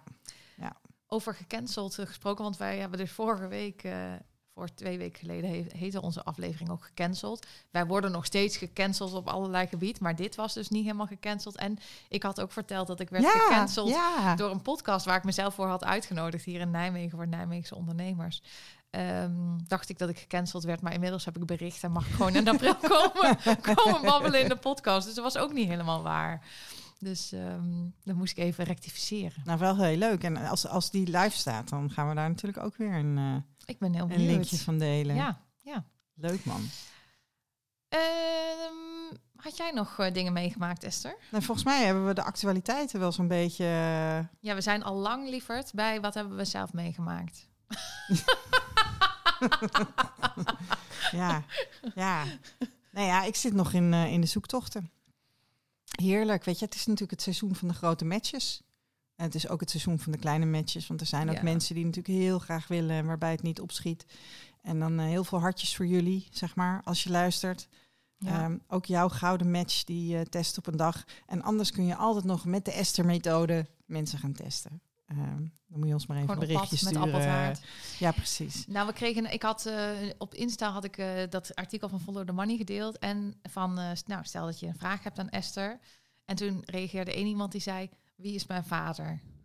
Was, Ja. dat, was haar vraag aan jou. Ja, En toen ja. zei ze, ja, daar kunnen jullie natuurlijk niks aan doen. Maar ze vond het heel naar. Ja. Had allemaal kleine matches en het lukte nog niet. Ja, want dat, maar dat, is, dat is iemand die Anne aan het helpen is, hè, Ja. Probeer en ik heb, met ik kleine heb matches. er nog wat moed in gesproken. Ik zeg, iedereen gaat vinden, Ja jij hoor, gaat het ook is een vinden. kwestie van tijd. het Dat is echt waar. Dus, ehm, nou ja. Ja, dat is ook zo schattig. De- Ik had ook contact met iemand en ehm, eh, nou, de matches waren dan binnen en die, die had hulp gekregen ook van een stamboom-expert. En eh, ja, die had dan de, wat twee matches aan elkaar kunnen verbinden. Maar ja, kleine matches hoor, 108 en 178 centimorgan of zo, weet je wel, even uit mijn hoofd. Dus ik echt, wauw, heb je zulke hoge matches, die heb ik nog steeds niet, weet je wel. Dus wat dat betreft, eh, eh, nou ja, en toen, en, en nou zag ze het niet meer zitten. En toen zei ik van, nou, even één ding, ik heb drie jaar gestamboomd en jij ziet het na een weekend niet meer zitten? hey, Ja. even volhouden, hè? Nee, maar goed, het is dat- dat- niet jij om mag flauw dat zeggen. ja, nee, en ook niet om flauw te doen hoor, maar wel gewoon van, ja, weet je, als je hem wil vinden en zeker Ja. met dat soort matches, het- de kans dat het lukt, ja, die is gewoon echt wel heel reëel. En ehm, dat is nog wel mooi, hè, want in de zoektocht van Stef, daar hebben we vorige keer het ook even kort over gehad, van dat we reacties hebben gekregen en dat, dat, dat er ook weer nieuwe energie op die zoektocht zit. Dat, dat, daar wordt nog steeds aan gewerkt. Dus eh, echt fingers crossed allemaal jongens voor, eh, voor Stef, voor eh, dat, we dat we ook... Ja. dat raadsel op kunnen lossen. Want dat is de enige waardoor ik nu dan nog een soort van de lichte trilling in mijn stem voel. Als ik zeg, we vinden ze allemaal. Dan denk ik, eh, deze moet ook. Ja. Want deze Maar dat dus gaat natuurlijk ook gebeuren. Dat kan niet. Ik geloof niet dat dat niet gaat gebeuren. Nee, nee, maar soms is het echt met, met endogamie. En eh, dan, dan, wordt het, dan wordt het echt... eh, hè, dat er in de familie getrouwd wordt en zo. Dan wordt het echt ingewikkeld. Ja. Dus, maar goed. We geven niet op. Dat is sowieso... Geef nooit op. nee, Nooit. nee. Nee. Gewoon volhouden. Ja. Nou, gelukkig hebben ze jou en, en Anne als de stambomers aan hun zijde. Ja, en als je dus wil weten van eh, wie is je vader, wie is je moeder, Anne, wie zijn de vader en de moeder van Anne, dan moet je eh, nog heel eventjes wachten op onze extra aflevering waarin eh, Ja, gaat Anne alles vertellen. Anne aan het woord komt en dan ja, in haar spreekwoordelijke blote kont gaat. ja, inderdaad. jammer dat het een podcast is. Ja. Oh. nou, ik wil de verwarming wel weer iets omhoog zetten. kan gewoon. ja, we plaatsen wel, we plaatsen wel wat foto's op Insta. Hey, ik had eh, hele lieve reacties. Eh, ik heb eh, in de podcast gedeeld, Anne, dat, mij, dat ik de broers, nee, de kinderen van mijn donorvader Simon heb benaderd. En dat hij dus heel aardig bericht heeft teruggestuurd als ze geen contact willen. Er is er nog maar eentje hè, die gereageerd heeft. Ja, namens iedereen. Ja. Iedereen. Drie, donor, of drie kinderen heeft Simon. Maar eh, wat dus heel leuk is, twee dingen zijn heel leuk. Ik kreeg een kaartje van Tamara, die eerder bij ons te gast was. En andere mensen gaan mij heel lief berichten of bellen van eh, dat ze het heel vervelend voor mij vinden. Dus dat is heel lief. Maar ik merk eigenlijk zelf. Dus eh, we hebben het wel eens hier in de podcast gehad over van... hey, moet je die mensen nou benaderen? Kan je dat doen of niet? Hè? Is dat jouw positie? Ja. Nou, uiteindelijk besloten ik met klotsende oksels dat ik dat mocht doen. Ehm, maar nu kan ik dus ook zeggen, ik zou het iedereen aanraden. Want ehm, ondanks dat het natuurlijk een vervelend bericht is, heb ik toch een soort rust eigenlijk. Omdat eh, eerst was ik de hele tijd mee bezig. Hè, dan liet ik het weer een tijdje los. En dan dacht ik weer van, oh ja, hoe zou ik dat dan doen als ik hun zou benaderen? Of eh, nou, heel vaak in mijn hoofd, hè, een soort piekermodus van, oh ja, hoe zou ik dat doen? En mag dat dan? Ja, nee, eh, afwegingen. Nou, in mijn hoofd is helemaal rustig. Dus ondanks dat het natuurlijk Oh, wauw. jammer is dat, dat zij eh, geen contact willen, ben ik toch zo blij dat ik dit gedaan heb eigenlijk. Dus ik kan iedereen aanraden. Oh, fijn. Ja. Wat goed. Je kunt het maar weten eigenlijk. Alles beter dan Ja. onzekerheid gewoon. Dus, ehm, en ik, ik ben ook wel blij met hoe ik het gedaan heb. Hè, dat ik eerst Simon een bericht heb gestuurd van nou, ik ga dit doen. Dus als ze het nog niet weten, vertel ze maar. En zo. Dan, ehm, ik heb nu gewoon goed over nagedacht van hoe doe ik het zo dat ik er zelf helemaal achter sta. En eh, dan vond ik het nog een beetje lastig. Maar ehm, dus positiviteit. Knap van jou Dankjewel. dat je hier zo optimistisch over bent. Ja, Maar ja, zo voel, zo voel ik me. Ja. Ja. Nou, wat goed. Ja, hè? Ehm, dan heb ik geloof ik ook eerder hier verteld dat, ik, eh, dat er een meisje van 13 was die aan mij vroeg eh, van eh, ja, ik wil, ik wil wel een DNA-test of ik wil, nou, ik wil mijn vader vinden. Nou heb ik eh, met, met haar moeder erbij en haar moeder vond het goed, want ik vond het toch een beetje lastig dat ik dacht, ja, mag ik dit nou, eh, ben ik nou degene die mag bepalen of dit mag? Maar gelukkig staat haar moeder er helemaal achter en die support 100%, dus dat is heel fijn. En toen ben ik dus mm, vorige week of twee weken geleden ehm, een testje gaan brengen. Ja, want wij hadden nog, eh, we hebben wel eens eh, testjes in de aanbieding gegooid hè, in eh, Ja. deze briljante podcast. Maar dit krijgen we niet, worden we helemaal niet helemaal gek hebben. gemaild. Dus Maar dit meisje had natuurlijk helemaal geen geld voor die test. Nee. Dus dat, was, dat komt helemaal goed terecht. Dus dat hebben Mooi. we gedaan. En we hebben een aanvraag dus bij de SDKB gedaan. heel goed. Maar weet je wat grappig was? Ik, ik, ik werd meteen opstandig van, want zij was dus aan het invullen, maar ik ging haar helpen, want dat lukte allemaal niet zelf. Ja, want dan moet je inloggen. Moet je inloggen met je DigiD. En dan wordt er dus gevraagd ehm, hè, dat je die gegevens wil. En dan vragen ze, motiveer uw antwoord. En denk ik, fuck, nee. Gewoon omdat je er Ja. recht op hebt. Ja, ik zei, eh, ik, eh, ja, ik ik ging me Bizar, er meteen hè? bij bemoeien. Ik zei, nou, gewoon omdat je dat wil, weet Ja. je wel. Dus eh, Ja. zei, typen. Maar ik dacht, doe eens normaal. Ze heeft gewoon recht op en ze mag dit gewoon opvragen. Want zij is van een bekende donor, hè? Wat, wel, wat, wat ik me nog kan voorstellen, hè, maar dat is een aanname, is dat, dat stel zij zoeken contact met zo'n donor en dan denk ik dus even niet aan die standaardbrief die Lex. Ge, ge- ik kan me voorstellen dat het hun misschien helpt. Ja. Ehm, er zitten daar ambtenaren, hè? Ja, maar En dan, eh, they don't have a fucking clue. Maar eh, dan zou, dan ik zou ik zeggen, omschrijf het dan iets anders. ja, ja, Niet alleen maar motiveren uw antwoord, maar gewoon van, eh, je- zou je iets meer kunnen Ja, vertellen, want ja. dat kunnen we gebruiken. kun je om- vertellen waarom of, het eh, belangrijk voor je is? Ja, en dat je ook Ja. vertelt waarom je die vraag stelt. Want wij willen graag als Precies. organisatie leren. Ja, ik werd er meteen weer opstandig van. Oh, Anne gelooft niet helemaal wat ik zeg. Nee. Anne vindt een heel humoristische podcast. Eh, dus dat. Ik ben Ja. super benieuwd. We zijn nu twee weken verder, dus ik denk over een week of vier, eh, dan weten we meer. En Fion heeft dus aangeboden dat ze wel de begeleiding willen doen als er iets te begeleiden valt. Oké. Dus dat vind ik heel tof, want Ja. dat vond ik ook nog spannend. Zo'n meisje van 13. Ik dacht, ja, kun je toch ook niet. eh, Ja. Ja, maar je ziet wat dat betreft, ehm, ehm, want we hebben ook contact met Fiom, hè, en eh, ook wij vanuit de podcast, maar ook, ook vanuit Stichting Donorkind natuurlijk. En ik ervaar wel echt gewoon een, een soort van frisse wind daar of zo, Mhm. zeg maar. En natuurlijk, weet je, dit soort dingen moeten natuurlijk gefinancierd worden. Ook dat zij gewoon ehm eh, donorkinderen opvangen eh, of begeleiden waarbij zij niet de match hebben gemaakt of waarbij SDKB niet de match heeft gemaakt. Maar ik vind Ja. wel echt eh, ehm, de, de, de, de, de, ook ja, wat, wat ik daar straks ook zei over die reactie bij Follow the Money. Er zit daar wel een soort van eh, een frisse wind of zo, Ja. of een nieuwe, nieuwe energie. Of eh, in ieder geval de wil om wel gewoon ook echt in ons visie belang te lijkt het handelen. bijna wel Ja. zo. Ja, ja heel, eh, Dat is fijn heel om te anders. merken. Dus dat is heel fijn. Ja. Ehm, Gaan we nu door naar de. We hebben, we hebben wel een tune voor de, voor de boekenrubriek. nee, zal ik iets... eh, ik vind wel dat je iets moet bedenken. even kijken, wat is dit? Was dat een spannend boek? Ja, nee. Ja?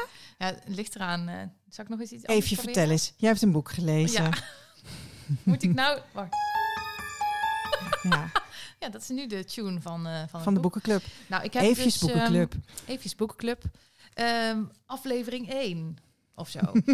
Eh, ik heb dus het boek gelezen eh, God mijn vader. En dat is van Arjan de Wit. En Arjan eh, zit ook in onze donorkindgroep.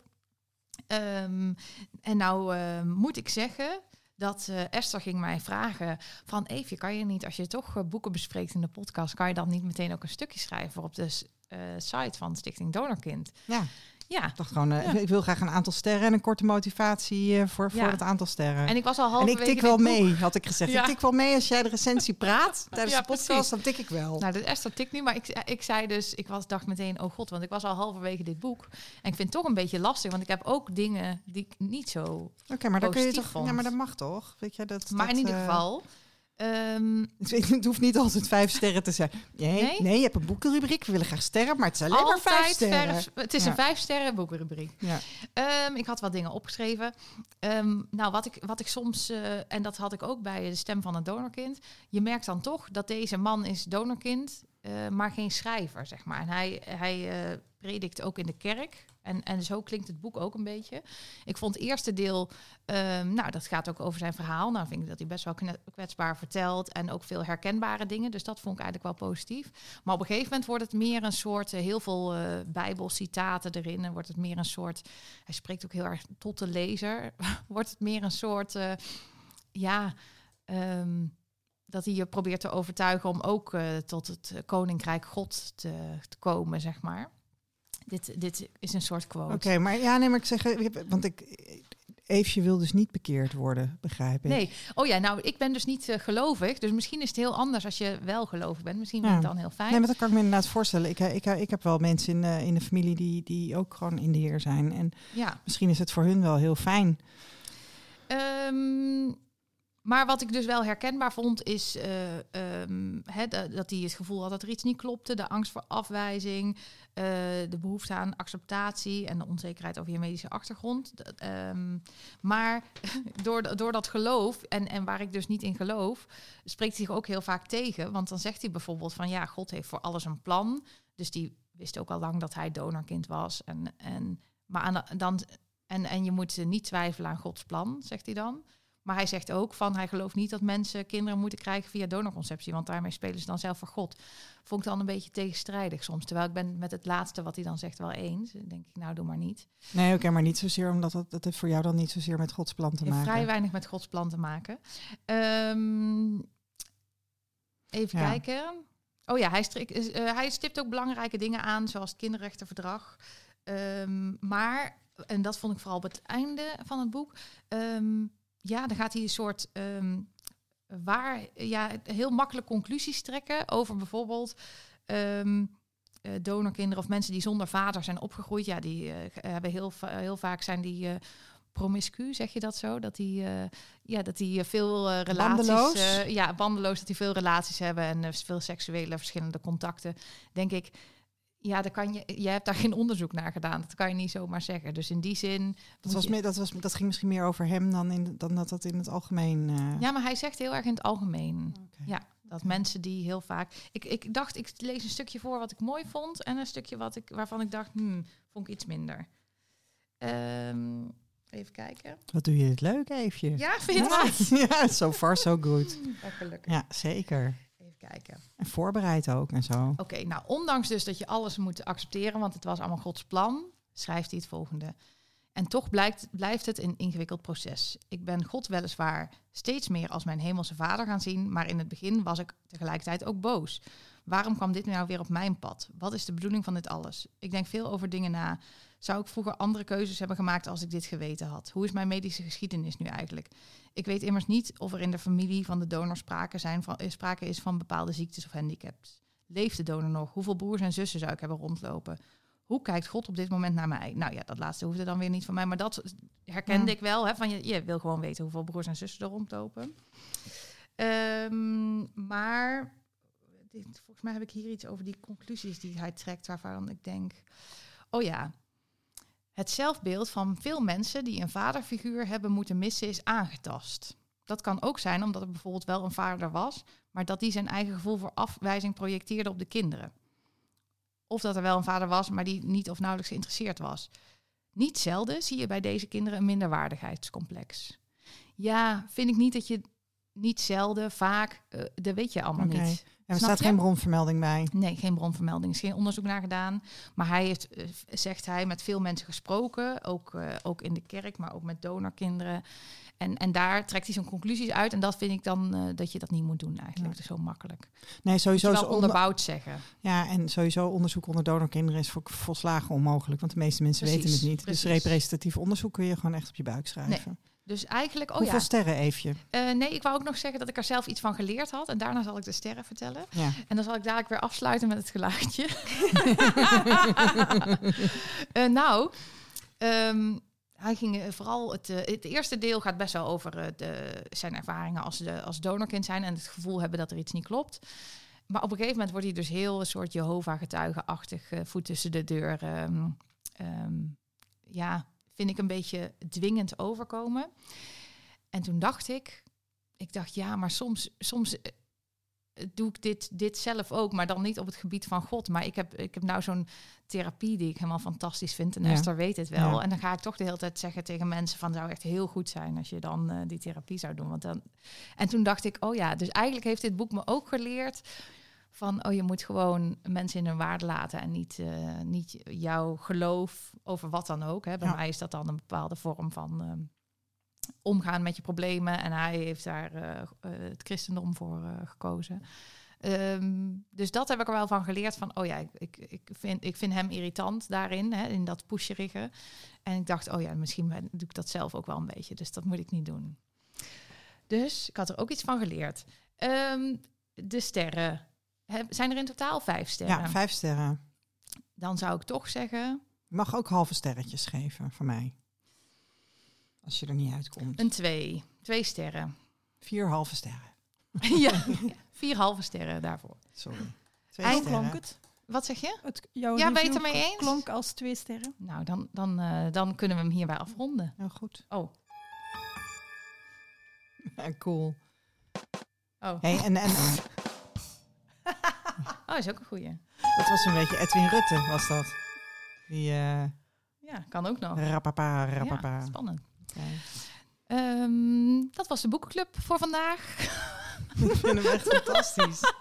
Hey, en oh ja, willen jullie weten wat ik ga keer, lezen? eh, Ik ga volgende keer lezen Brave New Humans van eh, Sarah Dingle. En daar zie ik al een beetje tegenop. Want de vorige keer ben ik Ah. op bladzijde... Even kijken, het heeft sowieso... ehm, nou, 350 bladzijden of zo. het boek En is de- helemaal verscheept vanuit Australië. hè. Dat moesten Ja, we zes en weken op wachten, geloof ik. Ben ik op bladzijde 30 gestopt. Omdat ik zo boos werd.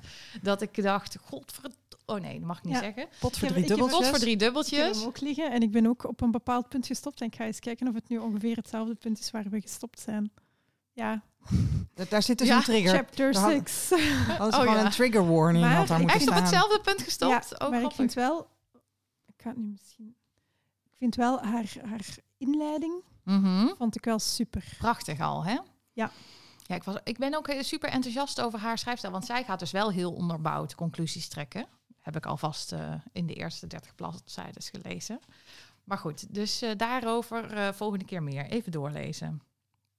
Jezus, we zitten alweer heel lang te praten, hè? Ja. Het is gezellig. Ja. Ja, het is gelukkig. Vind je het gezellig? Ehm, maar zullen we zeggen, we gaan deze afsluiten en eh, we, gaan, eh, We gaan door naar de volgende. we gaan door naar de volgende. Dat Anne. lijkt me heel gezellig. Ik ben opgewarmd. Oh, ja, goed heel zo. goed. Heel goed. Fijn, hè? Vinden we fijn. Ja. Als de verwarming nog hoger moet, als je je broek uit wil, dan laat maar weten. Lieve mensen, bedankt voor het luisteren. Als je ons eh, wil sterretjes geven, ons, ons wil raten in je podcast-app, dan vinden we dat hartstikke leuk. Ja. Esther gaat nou niet vertellen wat voor een... Nee, eh, hoor. Nee, helemaal niet. wat Nee, want dat mag niet van jou, Nee, hè? dat mag niet van mij. Nee. Ehm, en je kan ook deze podcast bijvoorbeeld delen. Als je denkt van nou, dit, ik ken iemand die dit wel eens moet horen. En word ook vooral vriend van de show. Ehm, nou, dadelijk dus nog een, eh, een eh, aflevering met het, of een episode met het verhaal van Anne. En over twee weken spreken wij Jenny en Desiree van La Vida, de podcast. Ja, dat wordt volgens mij een hele leerzame en dan gaan we het hebben over de verschillen tussen donorkinderen en internationaal geadopteerden. Of de overeenkomsten. En de overeenkomsten. Ja, Heel ja. veel overeenkomsten. Ja. Nou, die end. Kijk er naar uit. Oh, onze tune. Ehm, oh, daar, moet, daar zeggen we natuurlijk altijd Oh, iets eh, over. Hè? Want onze, onze tune heet eh, inderdaad Anne. Speak easy. Speak Easy En van wie is eh, die? Shane Ivers is het. Oh, heel goed. En waar vind je hem? Op www.silvermansound.com. Yeah.